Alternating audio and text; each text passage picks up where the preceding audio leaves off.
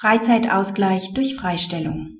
Der Arbeitgeber kann mit einer widerruflichen Freistellung regelmäßig nicht den Urlaubsanspruch, aber einen Freizeitausgleichsanspruch des Arbeitnehmers aus seinem Arbeitszeitkonto erfüllen. Die Parteien haben im Arbeitsvertrag vereinbart, dass der Arbeitgeber berechtigt ist, die Arbeitnehmerin nach dem Ausspruch einer Kündigung unter Fortzahlung der Bezüge und unter Anrechnung auf ihre Urlaubsansprüche und Freizeitausgleichsansprüche aus dem Arbeitszeitkonto freizustellen. Der Arbeitgeber kündigt das Arbeitsverhältnis im August mit Wirkung zum 31.10.2006. In dem Kündigungsschreiben wird die Arbeitnehmerin entsprechend den arbeitsvertraglichen Bestimmungen ab sofort bis auf Widerruf von jeglicher Arbeit freigestellt. Sie ist bis zum Ablauf der Kündigungsfrist nicht mehr für den Arbeitgeber tätig.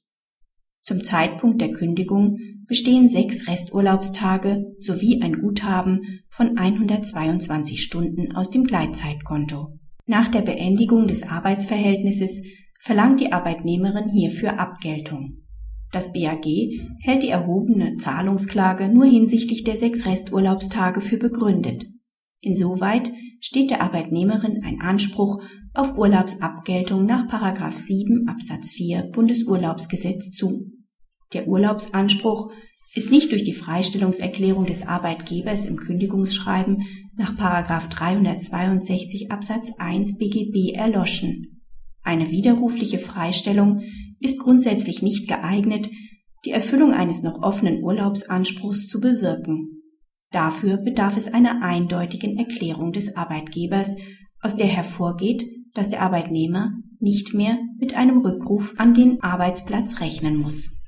Nur dann ist es ihm möglich, die ihm aufgrund des Urlaubsanspruchs zustehende Freizeit uneingeschränkt selbstbestimmt zu nutzen.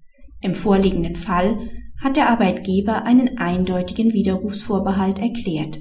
Eine widerrufliche Freistellung ist allerdings geeignet, Ansprüche auf Freizeitausgleich aus einem Arbeitszeitkonto zu erfüllen.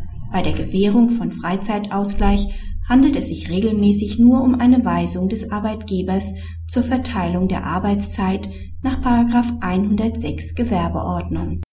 Der Arbeitgeber bestimmt damit eine Zeit, in der der Arbeitnehmer keine Arbeit zu leisten hat. Behält er sich den Widerruf vor, erklärt er damit zugleich während des Freistellungszeitraums nicht vollständig auf sein Weisungsrecht zu verzichten und den Arbeitnehmer gegebenenfalls auch im Freistellungszeitraum zur Arbeitsleistung auffordern zu können. Das ist rechtlich nicht zu beanstanden.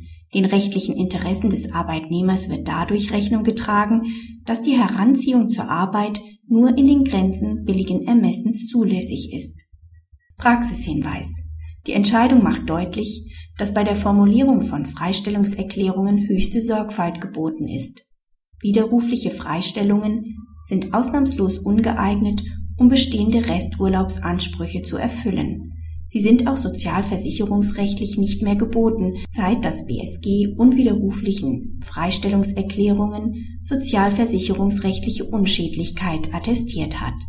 Wird eine Freistellung weder ausdrücklich widerruflich noch ausdrücklich unwiderruflich erklärt, ist nach Auffassung des BAG im Zweifel davon auszugehen, dass der Arbeitnehmer endgültig freigestellt werden soll und ein noch bestehender Resturlaubsanspruch somit erlischt.